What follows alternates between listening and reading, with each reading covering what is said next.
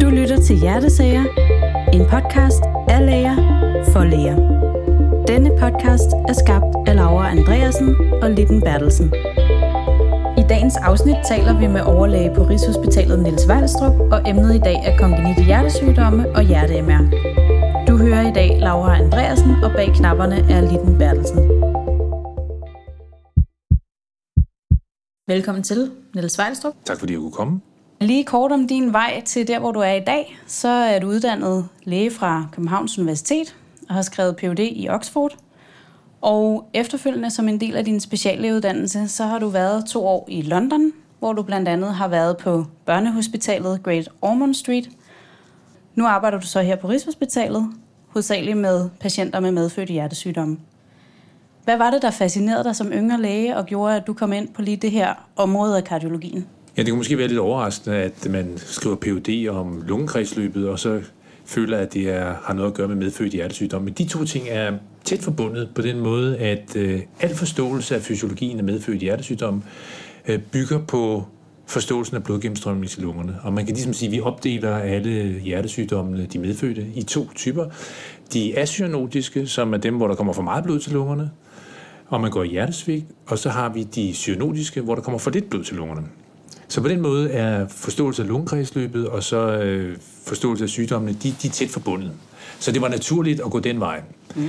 Og så senere hen, så øh, var min interesse de, øh, den intrauterine diagnostik, øh, fordi jeg synes, det var vigtigt, at man som foster også fik chancen for at blive set af en kardiolog, før at øh, man tog en endelig beslutning om, om man ville tage de der, øh, om man ville vælge abort eller fortsætte en graviditet. Fordi det er sådan med medfødt hjertesygdom, at øh, selve behandlingen har ikke ændret sig dramatisk de år, som jeg har været i speciale de sidste 20 år. Men det er mere diagnostikken og hvornår man begynder at behandle dem. Fordi at øh, vi har stadigvæk en opdeling i behandlingerne til, at vi har det, vi kalder palliativ behandling, som er en behandling, hvor man overlever, men man lever ikke normalt. Man er hjerteinvalid. Og så har vi de radikale behandlinger, altså radikal operation, hvor man kan få kredsløbet til at blive stort set normalt, efter man har gennemgået en operation, og man kan leve et normalt liv, muligvis med noget korrektion undervejs, men udsigten er til at leve et normalt liv. Gå i skole og få en uddannelse og familie og børn. Og øh, man kan sige, det som der nu har ændret sig, det er, at for 20 år siden, der opdagede man, hvad for en sygdom man havde, når man blev født. Så forældrene ville føde et barn, og så ville det være blot, og øh, så ville det blive bragt ind til Rigshospitalet, og så midt om natten ville kardiologen blive kaldt op og komme ind og stille diagnosen, hvad det var, barnet fejlede. Det har så ændret sig rigtig dramatisk her de sidste 20 år på den måde, at nu er der næsten ingen børn i, øh, på Sjælland, som bliver født, uden at man ved på forhånd, hvad det er for en sygdom, de har og øh, at man ofte er parat til at starte behandlingen, og kardiologerne behøver slet ikke at komme ind om natten, fordi planen allerede er lavet, før barnet er født. Ja. Du har, har haft en stor rolle i det her store forskningsprojekt, som, øh, som mange har hørt om allerede, Copenhagen Baby Heart. Øh, vil du reflektere lidt over, hvad, hvad der har været bevæggrundene for at sætte forskningsprojektet i søen, og hvad I forventer at få ud af projektet?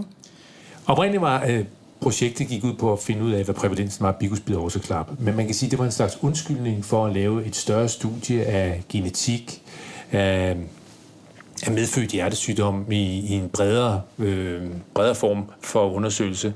Og øh, det, der var spændende, det var, at man rekrutterer fosterne, som møderne allerede på fosterstadiet øh, indgik i studiet og ville gå med til, at barnet blev undersøgt øh, efter fødslen med ultralyd, og en del af børnene også med blodprøver og navleblodprøver, og også øh, for en lille gruppe blodprøver på selve børnene.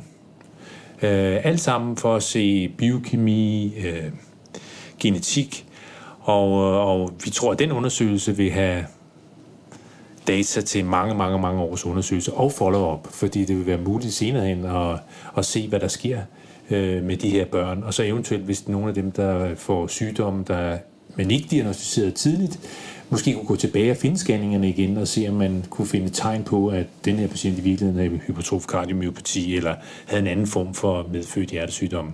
Ja. Det var jo et meget modigt projekt, synes jeg, at lave. Altså, ja. Altså, og på den måde, at øh, bekymringen var selvfølgelig, at, øh, at vi ville finde alle mulige underlige ting.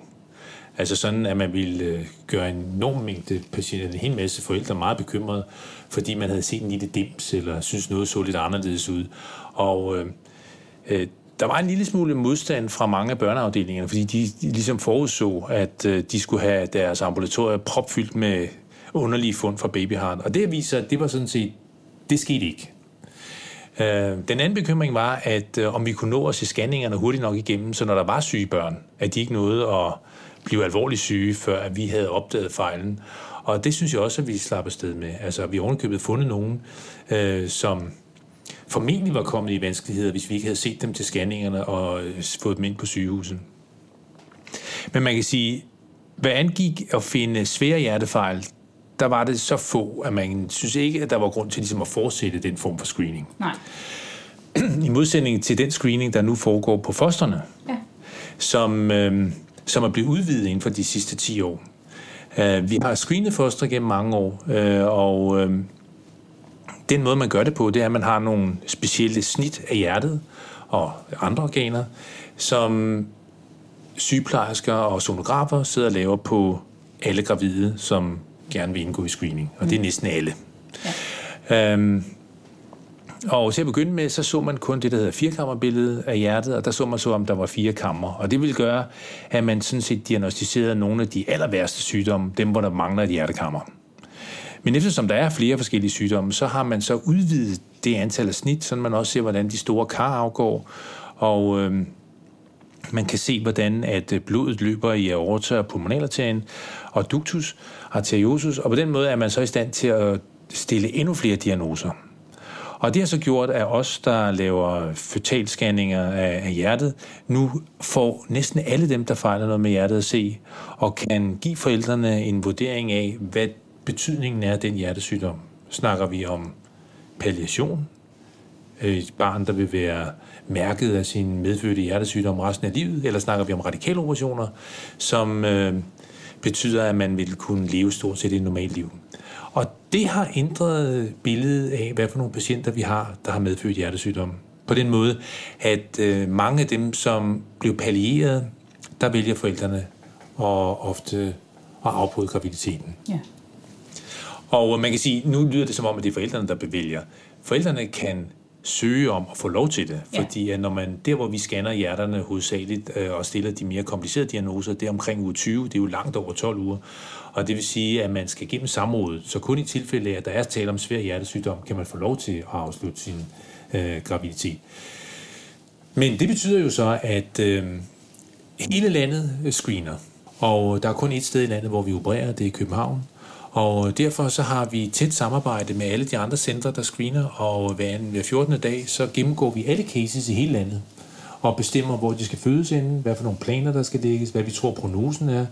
Så jeg mener, at inden for de sidste år, så er den service steget, kvaliteten af den service er blevet meget bedre. Ja. Og der er fuldstændig konsensus gennem over hele landet, og, og øh, svære cases bliver diskuteret af mange eksperter. Ja. Så, så screeningstiltagene har, har helt klart været en, en stor landvinding inden for kongenit hjertesygdom og har forbedret området væsentligt.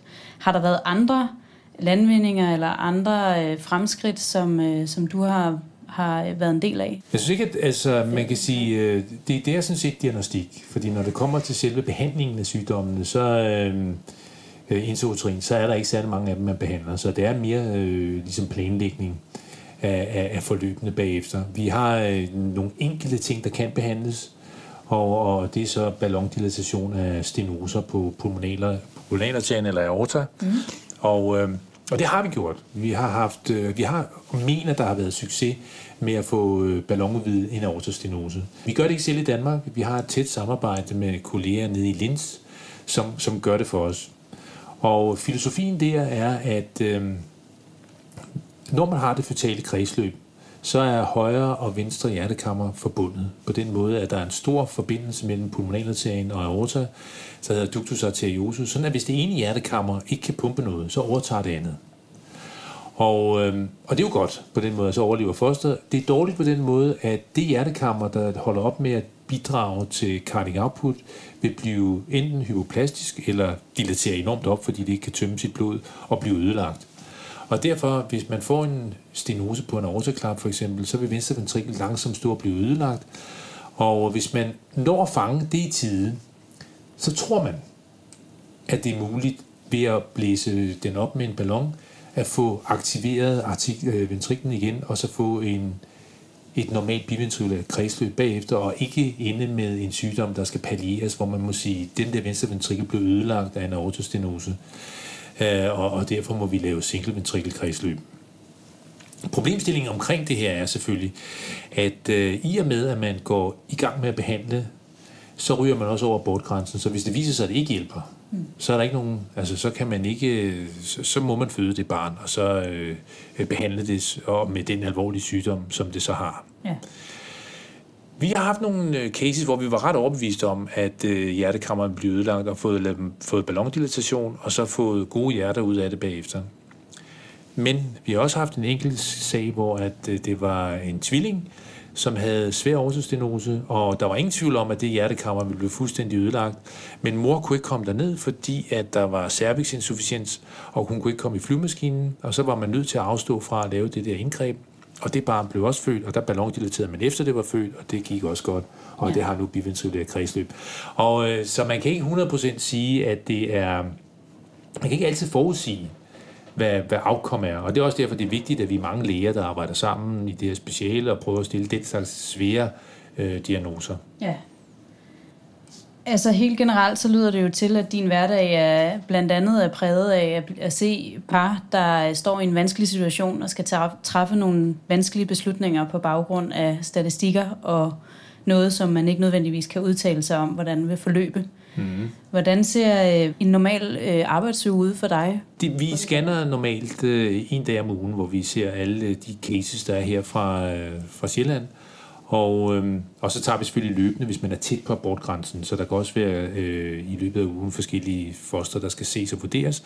Og nu lyder det som om, at øh, mange af dem, der er man lidt i tvivl det er det ikke. Altså, der er nogle enkelte tilfælde, og det er specielt dem med stenoserne på karne, eller på, på klapperne, hvor man kan være i tvivl om, om det går den ene eller den anden vej. Hvis det drejer sig om de klassiske hjertesygdomme, som transposition, stenofalo, der har vi rigtig god fornemmelse af, hvordan det kommer til at gå, og kan give en nøjagtig prognose for, hvad der kommer til at ske efter fødslen, og hvad en operation kan medføre. Ja. Så vi har nogle enkelte ting, hvor der er problemer, øh, hvor det er svært at forudsige, og så har vi en stor del, øh, en stor portion af sygdomme, hvor vi har en rigtig god øh, både track record for at få den rigtige diagnose, og også kan sige, hvordan det kommer til at gå bagefter. Ja. Og det er rigtigt, at det er at snakke med forældre, som øh, er i krise, men det er en krise, som man så bare får tidligere. Fordi det øjeblik, hvor barnet så bliver født, så er det nogle helt andre forældre, som er udmærket klar over, at det skal ske, mm. og øh, er øh, er allerede kunne sige til familien, at de skal ikke stå der med blomster, og de har måske ikke lige noget lyst til at snakke med nogen, før de har fået barnet opereret, eller fået lavet de første tiltag. Så på den måde, så, så, så vil jeg mene, at øh, vi har bare rykket tidspunktet for, hvornår man får sin krise omkring at få et barn med medfødt hjertesygdom. Og det øjeblik, at barnet så er født, så er det nogle meget bedre forløb ja. for de forældre. Ja. Og, og de andre dage i løbet af en almindelig arbejdsuge, der, øh, der, der ser du så også nogle af de patienter, som øh, så er født med medfødt hjertesygdom, men som følges igennem deres øh, ungdoms- og voksenliv øh, på ja. afdelinger for medfødt hjertesygdom. Ja, vi har så grown-up congenital, øh, øh, øh, som vi kalder Gucci i København. Øh, øh, og øh, det er så øh, dem, som der er blevet voksne med de medfødte hjertesygdomme. Og der er vi jo så i øjeblikket i det segment i gang med at, at, at få alle dem igennem, som har de svære pallierede hjertesygdomme. En gruppe, som nok delvis vil begynde at blive, ikke forsvinde, men vil blive, dem vil der blive meget færre af. Dem begynder vi at få nu. Og, øhm, og det er også det, der gør, at øh, hvis man behandler eller øh, giver rådgiver øh, i fetalmedicinen, så er det godt at have set, hvad det egentlig ender med, når man bliver voksen. Ja. Hvad er outcome? Fordi der er nogle af de her sygdomme, som lyder meget alvorlige. Det lyder som om, at øh, det kan aldrig blive et godt liv. Og så kan man jo sige, at det har vi set masser af eksempler på, at de bliver voksne, man kan få børn, og man kan få en uddannelse og leve et normalt liv. Trods det, at man skal gennemgå måske adskillige operationer, før man er øh, igennem sit liv for at kunne leve det normale liv, som man kan få. Ja. En anden øh, boldgade, du også bevæger dig i, øh, det er, at du har været en stor del af det at få øh, hjerte-MR indført, blandt andet på Rigshospitalet, og øh, der ser du selvfølgelig også voksne mennesker, men for at holde øh, temaet lidt, så, øh, så øh, tænkte jeg, at vi skulle tale en lille smule om hjerte-MR på, øh, på fosterdiagnostik. Hvad, hvad kan man i dagens Danmark med hjerte-MR? Man kan sige, at øh, hjertemær på foster er en kæmpe udfordring teknisk, fordi at øh, MR-undersøgelsen er en langsom undersøgelse. Og øh, det er kun muligt at lave undersøgelser af hjertet, eller har tidligere kun været muligt at lave undersøgelser af hjertet, hvis man har et EKG. Sådan at man kan tage en lille billede af gangen, øh, tage en lille del af et billede hver gang man øh, hjertet slår et slag, og så ved at sætte al informationen sammen, så kan man lave en, øh, et sinebillede, ligesom vi har fra ultralyden. Og eftersom man ikke kan få EKG på et foster, hverken i en MR-scanner eller uden for en MR-scanner i Danmark, så øh, er der en masse tricks, der skal til for ligesom, at det kan lade sig gøre. Og øh, der vil jeg så sige, at øh, vi kan lave hjerte-MR på foster, men det er stadigvæk på forskningsniveau. Mm-hmm. Der er forskellige principper, øh, og nogle af principperne bygger på, at man får et reserve-EKG, og det er for eksempel med ultralyd. Man kan sætte øh, den slags CTG'er på, som gravid får på maven, hvor man følger lærer hjertelyden. Sådan nogle er man ved at udvikle, så man kan putte det ind i scanneren, og vi er ved at anskaffe os vores første af dem, sådan at man i stedet for et rigtigt EKG kan bruge et ultralyds erstatnings-EKG til at gate vores undersøgelser. Og det skulle give mulighed for, at man kan måle flow og cardiac output, og netop når vi snakker om det der med stenoserne, altså kunne vurdere, om et hjertekammer ligesom præsterer noget, eller om det ikke præsterer noget, om der var effekt af en behandling, øh, det ser vi meget frem til at kunne gøre.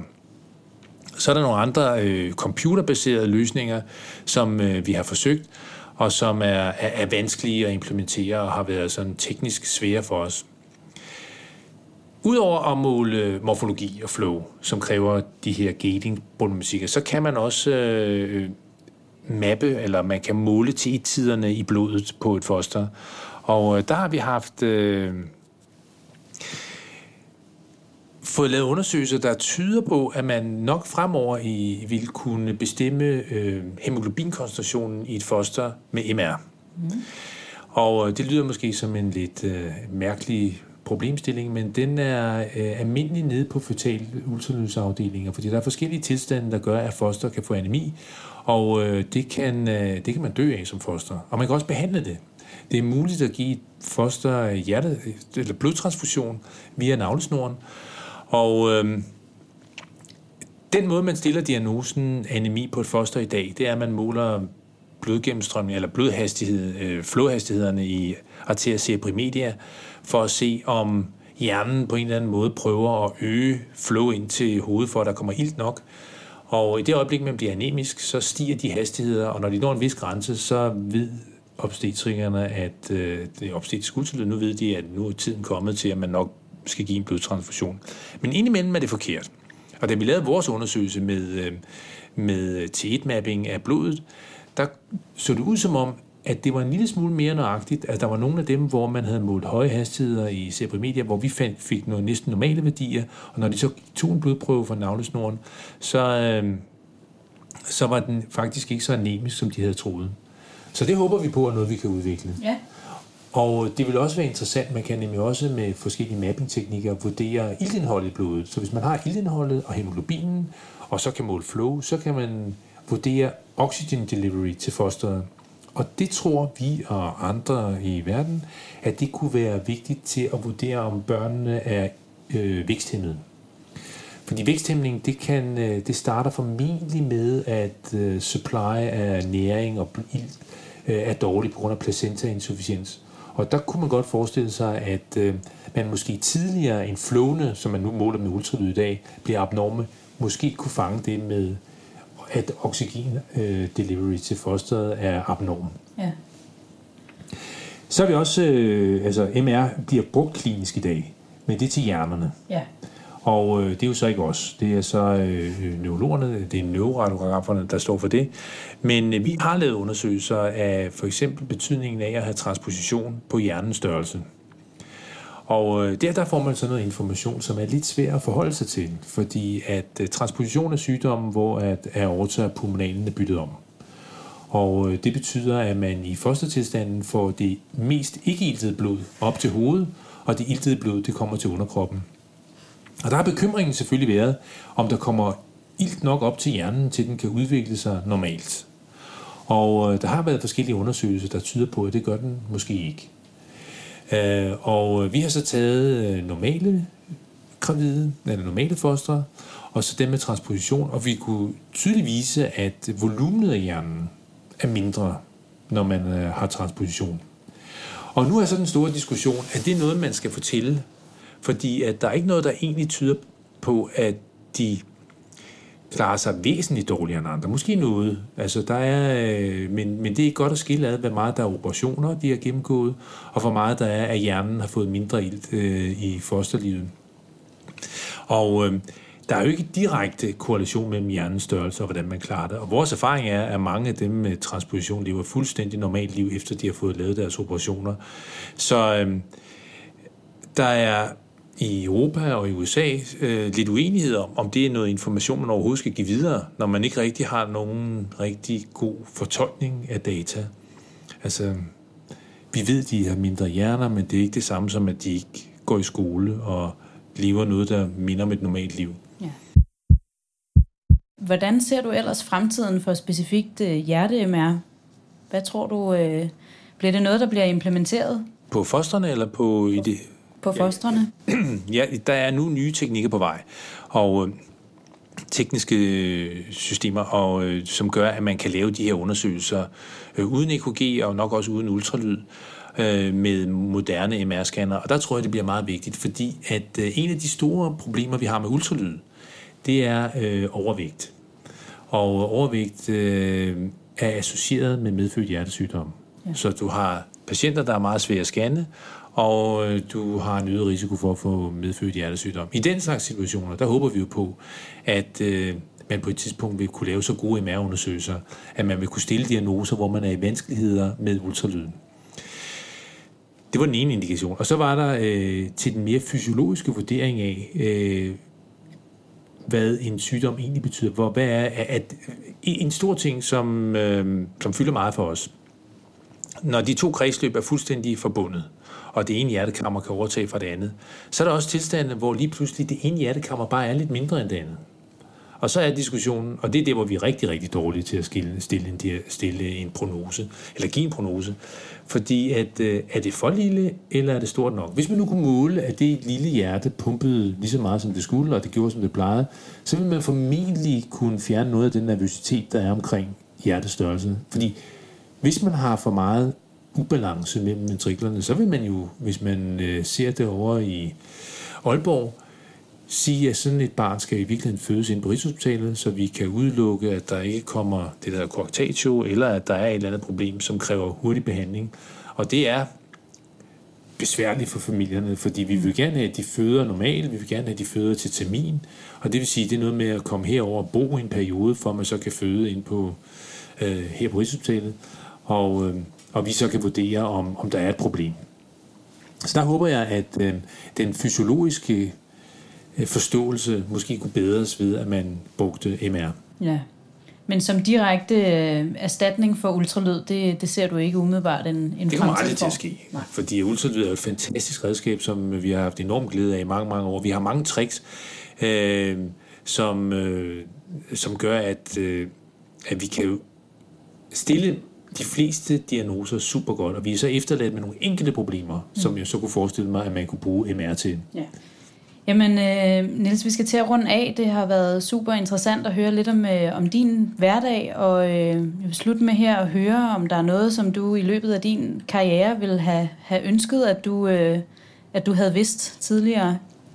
Jeg, jeg tror, jeg har vidst det tidligere. Det er nemlig det der, som... Øh, jeg synes, det er vigtigt, at hvis der er noget, man gerne vil, så skal man huske at sige det. Fordi jeg tror, at, øh, at man kan godt have en tendens til at være lidt for beskeden, og så sige, at... Øh, jeg kunne godt tænke mig at blive et eller andet speciale, og, men det er nok urealistisk for mig. Og jeg tror, at det er lige omvendt. Jeg tror, det er sådan, at hvis man siger det, så hvis der er nogle mennesker, der kan hjælpe dig, eller der har nogle forbindelser, så vil de hjælpe dig til at få det, du ønsker opfyldt. Ja. Så mit, øh, mit råd vil være, at hvis der er noget, du gerne vil, så husk at fortælle det til dine øh, kolleger og til dine omgivelser, sådan at de kan hjælpe dig til at få din drøm til at gå i opfyldelse. Ja, og det tror jeg, der er rigtig mange yngre læger, der, øh, der sætter pris på det. gode råd i hvert fald. Øh, tusind tak skal du have, Niels, for øh, din deltagelse her. Tak, fordi jeg kunne komme. Tak fordi du lyttede til Hjertesager. Denne podcast er produceret af Laura Andreasen og Litten Bertelsen.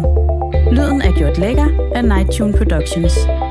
Hvis du kunne lide det, du hørte, så giv os nogle stjerner, del det med en ven og hold øje med nye afsnit på din favorit podcast-app. Du kan også finde os på Instagram eller Facebook. Søg på Hjertesager Podcast. Lyt med i næste afsnit, hvor vi taler med administrerende direktør for Hjerteforeningen, Anne Kaltoft.